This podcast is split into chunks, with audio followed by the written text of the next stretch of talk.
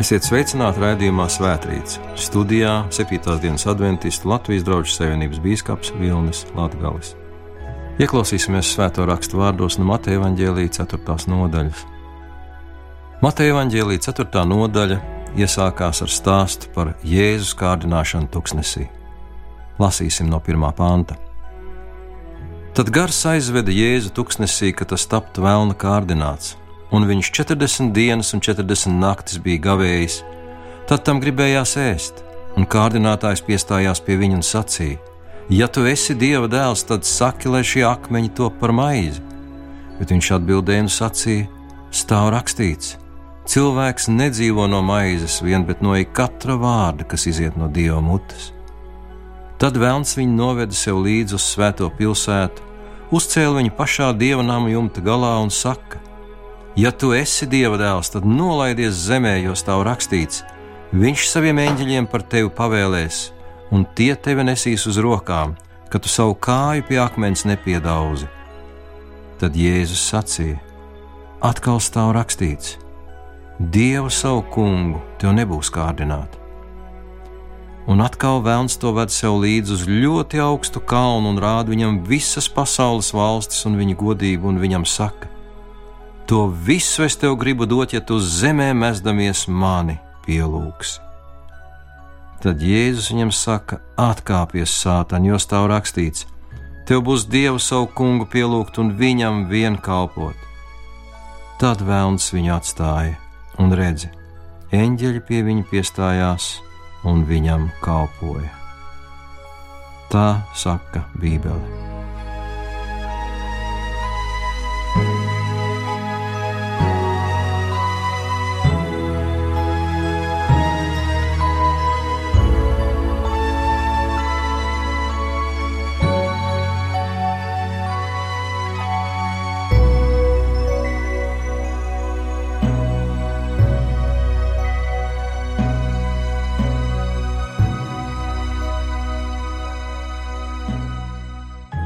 Mēs kā cilvēki katru dienu sastopamies ar dažādām izvēlēm un, protams, arī kārdinājumiem.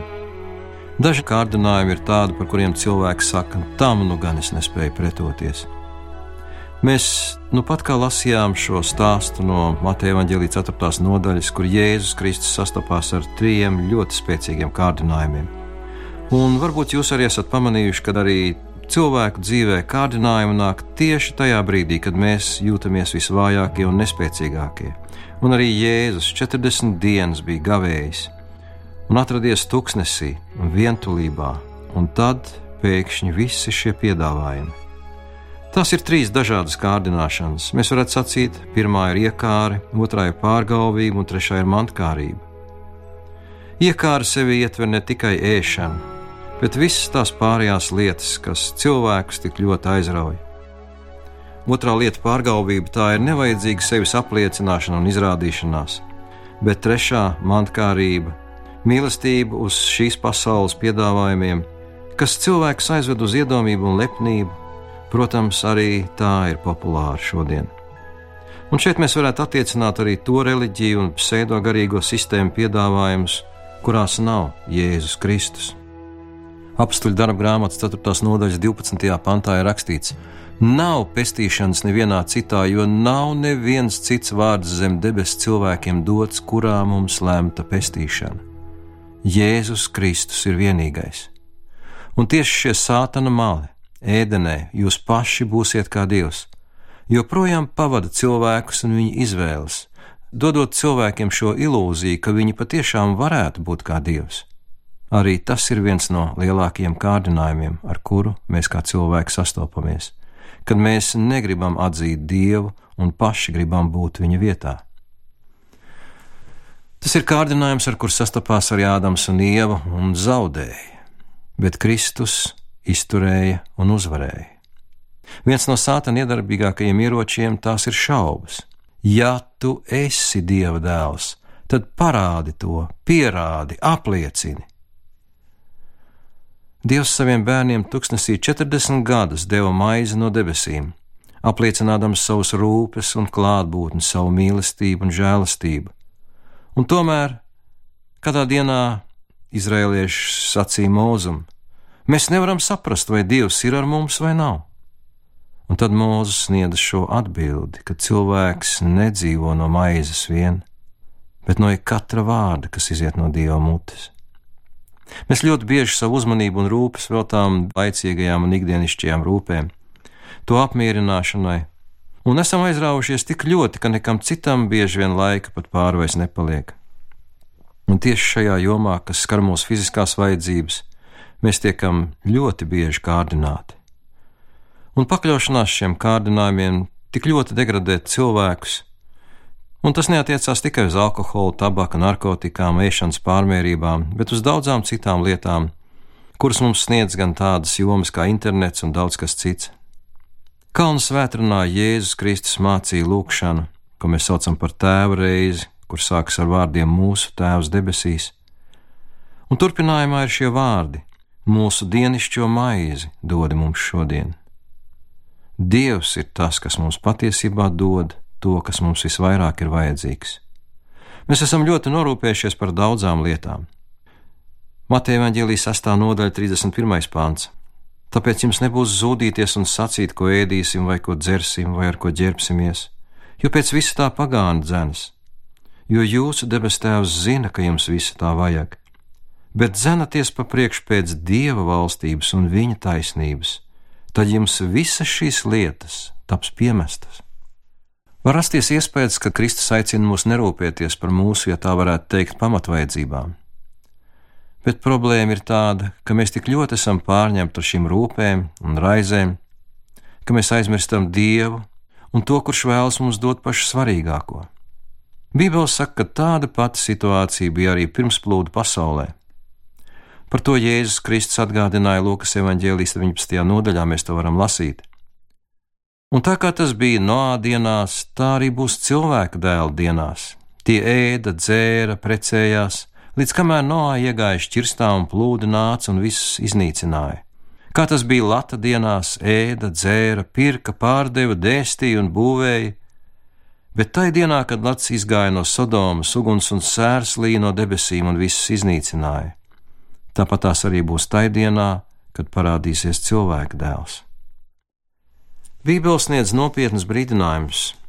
Ja mēs pievēršam savu uzmanību tikai šīs pasaules piedāvājumiem un kārdinājumiem, tad mēs tuvojamies bojājai.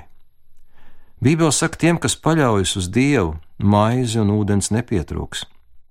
Šaubas vienmēr ir provocējošas. Sātans pirmajiem cilvēkiem sacīja, vai Dievs jums ir aizliedzis no visiem dārza kokiem ēst? Protams, kad sākās izskaidrojumi, viss beidzās ar to, ka aizliegtais auglis tika noplūkts un tika pārkāpts Dieva likums. Uzticība Dievam jebkuros pat drosmu un cerību atņemošos apstākļos vienmēr ir saistīta ar ticību ka Dievs nepieļaus lielākus pārbaudījumus, kā mēs spējam panest. Viens no maniem mīļākajiem Bībeles tekstiem ir Habakuka grāmatas 3. nodaļā, 17. un 18. pāns. Ja vīģis koks arī neziedēs un vīna kokam nebūs ogu, un ja nepiepildās arī cerības, kādas bija liktas uz eļļas kokiem, un ja arī tīrumi nesniedz nekādu barību, ja sīklopi būtu izzuduši no aplokiem, un kūtīs nebūtu vairs neviena lielopa, tad tomēr es gribu gavilēt savam kungam un likt izpausties savam priekam par savu glābēju, savu dievu. Patiešām prieks par to, ko Dievs ir mums devis un apsolījis. Šis prieks ir daudz lielāks par to, kas mums reizēm var pietrūkt ikdienā. Šīs ikdienas lietas bieži vien mūsu uzmanību pievērš tik daudz, ka pašam svarīgākajām mums vairs nepietiek uzmanības. Nākošajā piedāvājumā Sātans mudināja Jēzu Kristus pārgalvību. Šodien daudz jaunieši ir noskatījušies dažādus pārgalvības trikus internetā un cenšas to sadarināt, bieži vien sevi savainojot. Citi cilvēki neapdomīgi ieguldot savus līdzekļus dažādās finansu sistēmās un pēc tam cieši zaudējumus. Mums patīk riskēt, piedaloties dažādās azartspēlēs un totalizatoros. Šķiet, ka pasaule ar to ir pārņemta bet Jēzus Kristus uzvarēja arī šo kārdināšanu. Mūs, protams, var kārdināt, bet nekad nevar piespiest darīt sliktas un aplamas lietas. Sātans pielietoja pat Bībeles apsolījumu, lai izprovocētu Jēzu Kristu, bet viņš nepakļāvās šai provokācijai. Jo ticība vienmēr ir saistīta ar drosmi, bet ne pārgalvību vai neapdomātu rīcību. Kāds ir sacījis, pārgalvība ir sātanisks ticības viltojums. Daži cilvēki saka, es ticu veiksmēji, un dodas tieši pretīm sātana izliktajām lamatām. Pārgalvība ir doties tur, kur mēs sastopamies ar kārdināšanām, cerībā, ka mēs tajās nekritīsim. Es domāju, ka mēs apzināmies, ka viens no lielākajiem kārdinājumiem, jeb kārdinātājiem šodien ir internets. Ir, protams, cilvēki, kur internetā meklē informāciju par Dievu, par Bībeli, par draugiem, par garīgām lietām un tā tālāk. Ir cilvēki, kuri lielu daļu savu laiku pavada sociālajos tīklos, lai dalītos ar jaunākajiem attēliem no savas ģimenes dzīves un jaunieguvumiem. Bet statistika rāda, ka lielākā daļa cilvēku visā pasaulē meklē un, protams, arī atrod lietas, kas viņus noteikti netuvinās dievam un ticībai, bet tieši pretēji aizvedīs projām no dieva, ticības un mūžīgās dzīvības. Tā ir cīņa ar kārdinājumiem, kas ir mūsu šīs dienas realitāte. Kā mēs līdzīgi Jēzum Kristum varam uzvarēt? Jēkab vēstulē pirmajā nodaļā no 14. panta mēs varam lasīt ļoti svarīgu atziņu, bet katru kārdina viņa paša kārība to vilinādam un valdzinādam. Pēc tam kārība, kad tā ieņēmusies, dzemdē grēku, bet grēks padarīts dzemdē nāvi. Patiešām mums katram ir savas lietas, kas mūs kārdina, un ja mēs ļaujamies šīm lietām mūs kārdināt, ja mēs no tām neatbrīvojamies vai neizvairamies, bet tieši otrādi tās meklējam, tad, protams, mums ir ļoti lielas iespējas krist šajās kārdināšanās. Bet apustulis Jēkabs brīdina, ka šis ceļš nav dzīvības ceļš, tas ir ceļš uz nāvi. Kā mums līdzīgi Jēzum uzvarēt, kā mums pastāvēt, kā mums nonākt līdz mūžībai, līdz mūžīgai dzīvībai. Viens no labākajiem Bībeles padomiem ir tāds, ka tu sastopies ar kārdināšanām, meklē dievu tuvumu un palīdzību, bet realitāte bieži vien ir tieši pretējā. Kad cilvēki tiek kārdināti, viņi uzgriež dievam muguru. Atcerēsimies Jāzepu. Kad viņš sastapās ar šo izaicinājumu, ar šo provokāciju un kārdinājumu no Potifāra sievas puses, viņš bēga. Viņš nebēga no dieva, viņš bēga no kārdinājuma. Sātans Jēzu Kristu aicināja atteikties no šaurā sevis aizliekšanas ceļa, piedāvādams viņam pielūgt sevi, piedāvādams visu šo bagātību, kur viņš bija nozadzis dievam, kā savējo. Ar dažādiem viltojumiem mēs sastopamies ikdienas, bet Jēzus Kristus noraidīja to visu. Viņš izvēlējās šauro ceļu, viņš izlēlējās pienest upuri tavas un manas mūžīgās dzīvības labad. Šodien lielākā daļa cilvēku sapņo par turību, pārticību, bagātību, domādami, ka stāsts ir vienīgi par šo zemes dzīvi. Reiz es sastapos ar kādu mazu zēnu, kurš man uzdeva šādu jautājumu: Ko tu darītu, ja tu būtu visbagātākais cilvēks pasaulē? Es pasmaidīju un sacīju: Es jau esmu visbagātākais cilvēks pasaulē. Tu mānies. Mm, tad es viņam, protams, jautāju, kāpēc tu domā, ka es mānos? Tāpēc, ka tu neesi visbagātākais cilvēks pasaulē. Es viņam savukārt jautāju, nu kā tu zini, ka es neesmu visbagātākais cilvēks pasaulē? Tāpēc, ka tev nav visdārgākā mašīna pasaulē, viņš man atbildēja. Es pasmaidīju, mazliet padomāju un teicu, tu zini, man ir kaut kas vērtīgāks par visdārgāko mašīnu pasaulē. Viņš jautāja, nu kas tad ir vērtīgāks par visdārgāko mašīnu pasaulē? Es viņam atbildēju, tā ir mūžīgā dzīvība. Viņš jautāja, kāpēc tu domā, ka mūžīgā dzīvība ir vērtīgāka par Bugatti vai Aironu? Man bija jāsāk smieties, protams, un es viņam sacīju, tu zini, ja man būtu visas pasaules bagātības, visa nauda, viss zelts, visi diamanti un briljanti, es tomēr nevarētu iegūt mūžīgo dzīvību. Bet man Dievs ir apsolījis mūžīgo dzīvību, un līdz ar to tas nozīmē, ka viņi ir vērtīgāki par to visu. Bet zēns tomēr nelikās mierā, un viņš sacīja: Es tomēr būšu visbagātākais cilvēks pasaulē un dzīvošu ilgi, ilgi, ilgi un nemiršu. Protams, man bija jāpasmaida par viņa šo apņēmību. Es domāju, ka daudz cilvēku ir iekrituši šādās lamatās, jau pieauguši būdami, domādami, ka bagātība atnes laimi, un kaut ko tādu, kas cilvēku var darīt pārāk par citiem. Bet Jēzus Kristus pierādīja ar savu izvēli, ka viņa piedāvājums ir daudz vērtīgāks. Un arī šodien tā ir mūsu katra izvēle. Uz ko mēs tiecamies, ko mēs gribam sasniegt, vai mēs gribam šajā dzīvē visu sasniegt un saņemt un pazaudēt mūžību, vai mēs izvēlamies iet Kristus ceļu un ar viņu būt kopā mūžībā. Un šeit vēl daži padomi no svētajiem rakstiem. Marka evanģēlijas 14. nodaļa, 38. pāns. Esiet nomodā un lūdziet Dievu, ka nekrītat kārdināšanā. Gars gan ir labprātīgs, bet miesa vāja. Zālman pamācības 18.10. Tā kunga vārds ir stipra pils, taisnais dodas turp un to pasargāts.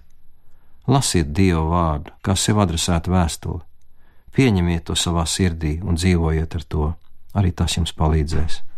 Lai Dievs svētī mūsu ikdienas cīņas un mūsu labo izvēli, lai mūžīgās vērtības vienmēr mums ir pirmajā vietā, jo šīs pasaules godība paiet ātri un neatgriezeniski, bet Kristus piedāvājums ir neizsakāma liela, mūžīga godība.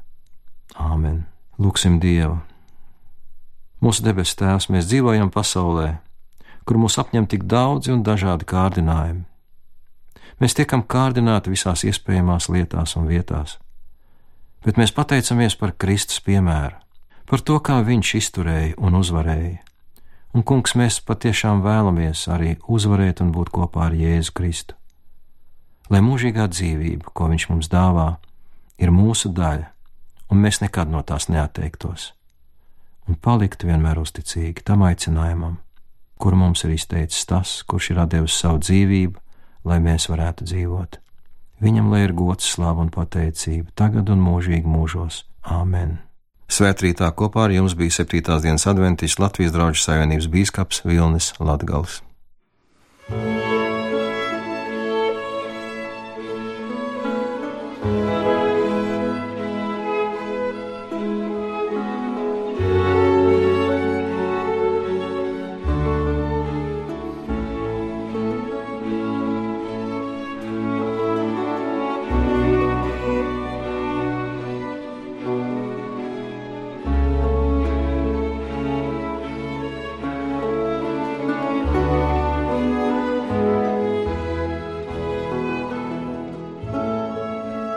Lūksim Dievu!